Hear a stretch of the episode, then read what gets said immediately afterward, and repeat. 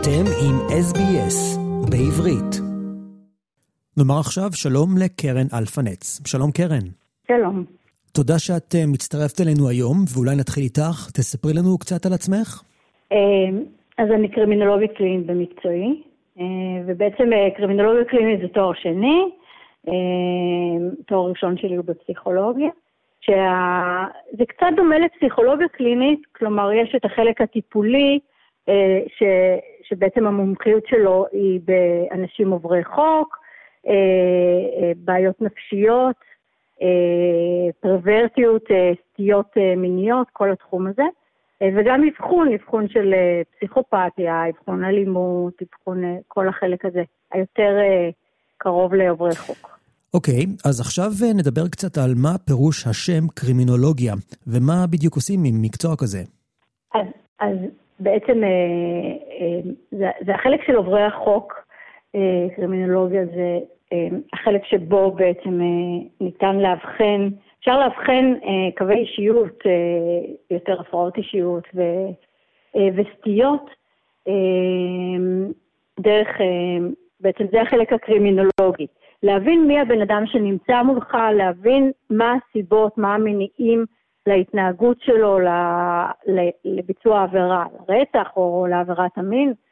אה, בעצם להבין מי זה, מי, מי נמצא מולנו. עכשיו, אם רוצים לעשות שינוי ולהיכנס לטיפול, אז מאוד חשוב להבין מה הסיבות, למה עשית את מה שעשית כדי להשתנות, כדי לשנות את ההתנהגות אה, בעתיד, כדי לא לחזור על, אה, על עבירות. ולכן כל העולם שלי הוא עולם יותר, יותר קרוב לחוק, או העולם שיותר קרוב בעצם ל... אה, לסטיות, לדברים שהם, שהם בעצם לא בנורמה החברתית הרגילה. טוב, אז uh, כל המדינה עקבה לאחרונה, או יותר נכון כבר עוקבת למעלה מ-15 שנה, אחרי המשפט של רומן זדורוב, שנאשם ברצח של תאיר זאדה, זכרה לברכה. ובימים אלו זה עלה שוב לכותרות, אחרי שבית המשפט זיכה את רומן, ואת מצאת את עצמך מאוד מעורבת במשפט ובטרגדיה עצמה. תוכלי לשתף אותנו איך זה התחיל ולאיזה ממצאים את הגעת? כן. האמת היא שאני התחלתי לעבוד אה, אה, בכלא כקרימינולוגית קלינית אה, בדיוק אה, בשנת 2007, אה, ושנים אה, הרצח הזה מאוד אה, עניין אותי, אבל כמו הרבה אנשים, אה, רצח שמתקיים ומתבצע בתוך בית ספר זה רצח מאוד מאוד אה, מטריד.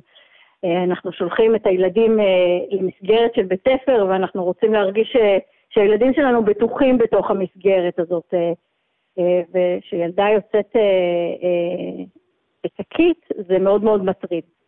ושנים קראתי את כל ההכרעות, וככה ראיתי את כל התוכניות השונות, והאמת היא שהייתי בטוחה שרומן זדורוב הוא פסיכופת. בשנת 2018 החלטתי לעשות הרצאה, הרצאה לקהל הרחב, על זה שרומן זדורוב הוא פסיכופת, על זה שהוא ביצע את הרצח. ואז הבנתי אה, משהו מאוד מאוד משמעותי, שבית המשפט אישר להוציא חומרי חקירה, לפרסם חומרי חקירה.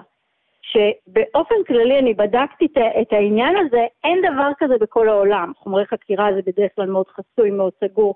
אף אחד לא מקבל, אלא אם כן מבקשים למחקרים, ובמקרה הזה באמת בית המשפט אישר אה, להוציא את חומרי החקירה. אה, ואז הבנתי שכל חומרי החקירה הם באמת אה, אותנטיים, שזה לא פייק. ופשוט התחלתי לקרוא את כל החקירות. יש המון, המון המון המון חקירות של בני נוער, של המורים, של אזרחים שהיו, המון חקירות, ופשוט התחלתי לקרוא כל ערב ככה ללא תשלום, ממש מתוך רצון להבין את הכל, mm-hmm. והתחלתי לקרוא את החקירות. אה, ולאט לאט הבנתי שיש הרבה אה, שקרים שבני הנוער מספרים, שפתאום קראתי חקירה אחת ואז חקירה של החבר, ונגיד אחד מספר שהם חזרו ביחד מהבית ספר והשני בכלל לא מזכיר אותו ואומר שהוא הלך עם מישהו אחר. אז התחלתי לראות שיש אה, שקרים בעצם בחקירות, אבל זה ש, ש, שבני נוער משקרים זה לא אומר שהם ביצעו את הרצח. Mm-hmm.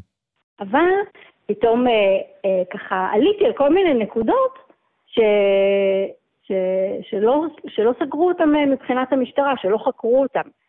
אה, וככה הגעתי לכמה אה, ממצאים מאוד משמעותיים. אה, באיזשהו שלב פשוט התחלתי להתקשר לבני הנוער, שהיום הם אנשים בוגרים, כן? היום הם אה, בסביבות גיל 30 כבר, ומלא מלא שיתפו איתי פעולה, מלא סיפרו לי ודיברו איתי שעות על גבי שעות. רגע, המשטרה לא דיברה איתם לפני 16 שנה, הם שיתפו פעולה גם אז, לא? כן. תראה, קודם כל, כשעוברים על כל החקירות שלהם, אפשר להבין דבר מאוד מאוד ברור, שהרבה בני נוער מספרים ואומרים את מה שהם כן יודעים. אוקיי? יש לנו נגיד אה, נער שאומר שהיא נכנסה והיה שם איזושהי עסקת סמים ו, אה, וזה היה בטעות ותפסו אותה והרבה בני נוער אומרים את הפרטים האלה. ו, וזה מדהים כי לא, לא סתם הם אומרים את זה. גם אם הם אומרים שהם שמעו שמועה, עדיין זה כיוון שצריך לחקור אותו וצריך לבדוק אותו. ואם הרבה בני נוער אומרים דברים כאלה, סימן שיש משהו.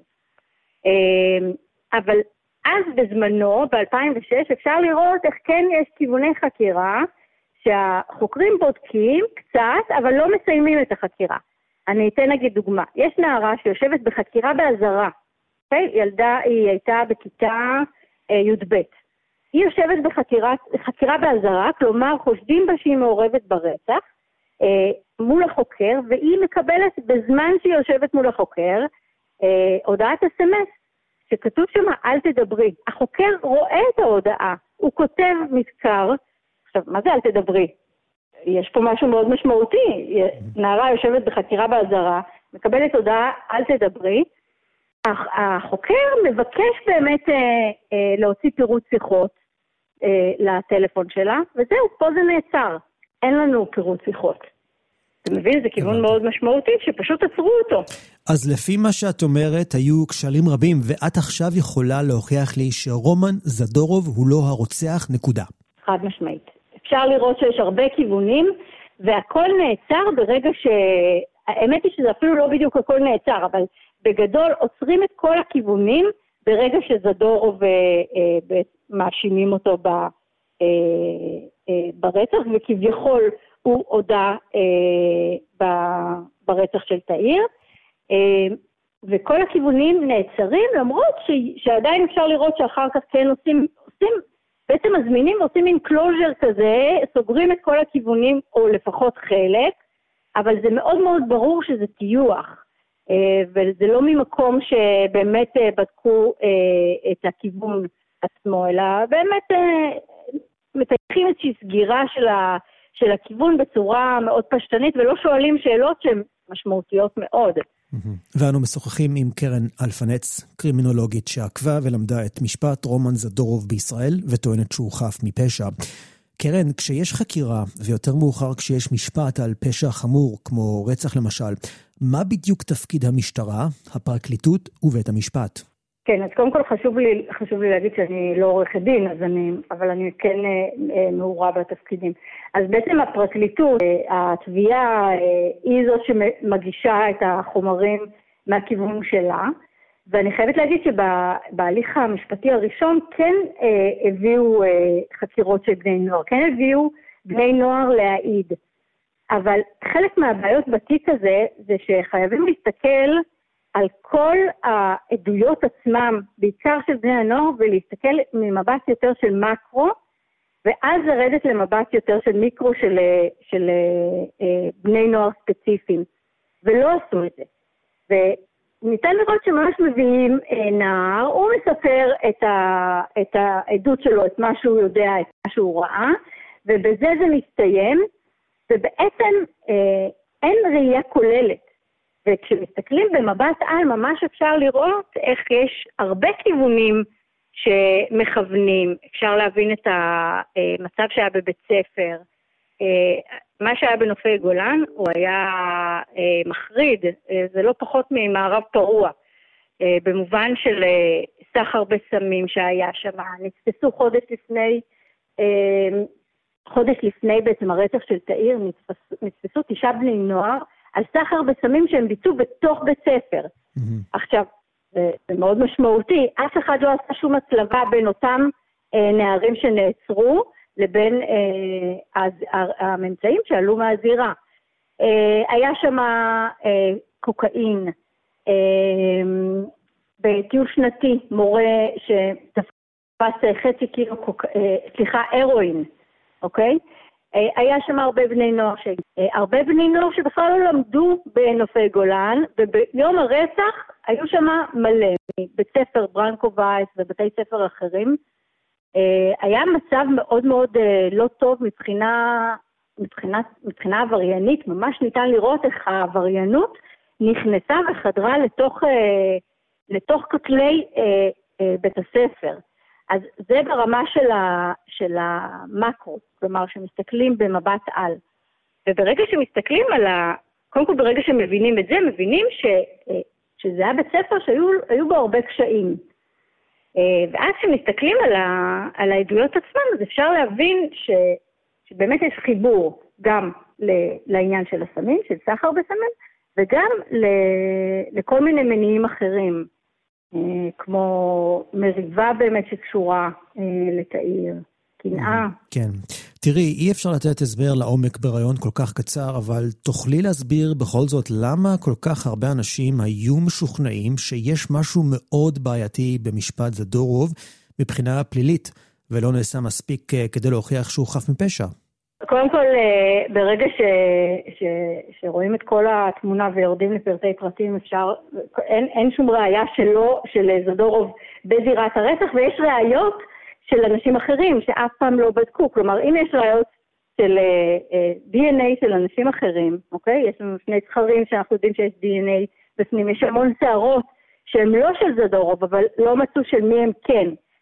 Uh, אני, אני אומר לך אה, אה, משהו בהקשר הזה, שאני הרבה זמן ככה אה, חששתי מלהגיד שיש טיוח, שזה מחדל ככה מאוד מאוד ברור, אבל ללא ספק היום אני יודעת שיש שם אה, טיוח, ואני גם יודעת שחלק מהמעורבים אה, ככל הנראה ברצח, הם קשורים ל, לארגון של פשיעה, אחד, לעבריינים אה, מאוד רציניים, וגם uh, למישהו שבעצם uh, בכיר uh, בממשלה, שלא ברור מה, מה בדיוק, כלומר, החיבור לטיוח או איך זה נעשה, זה משהו שאני לא יודעת.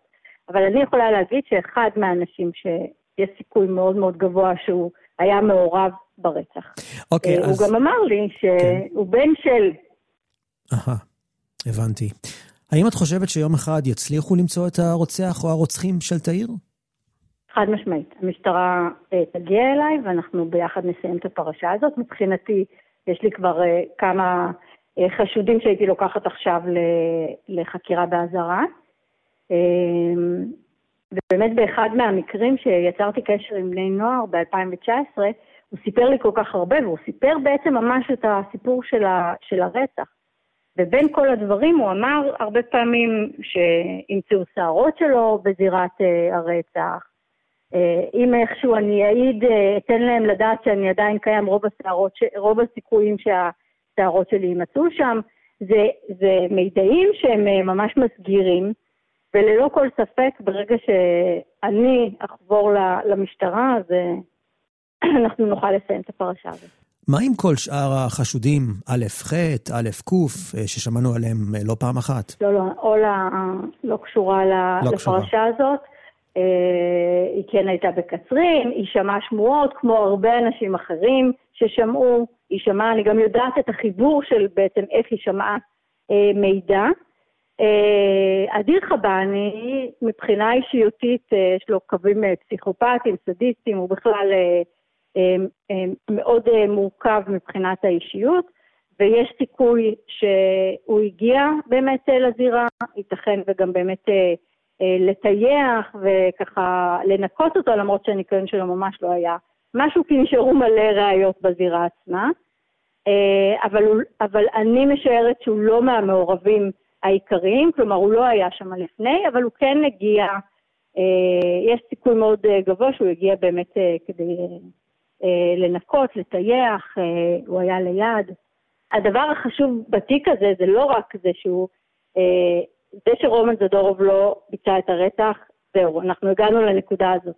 עכשיו באמת השאלה הגדולה תהיה האם משטרת ישראל והפרקליטות יפתחו את התיק, כי באופן כללי אין הרבה תיקים ש, שנפתחים אחרי שיש זיכוי של אדם בעבירה. אני מאוד מקווה שהם יעשו את זה, כי זה מה שנכון לעשות. שוחחנו עם קרן אלפנץ, קרימינולוגית שעקבה ולמדה את משפט רומן זדורוב בישראל, וטוענת שהוא חף מפשע. עקבו אחרינו והפיצו אותנו דרך דף הפייסבוק שלנו.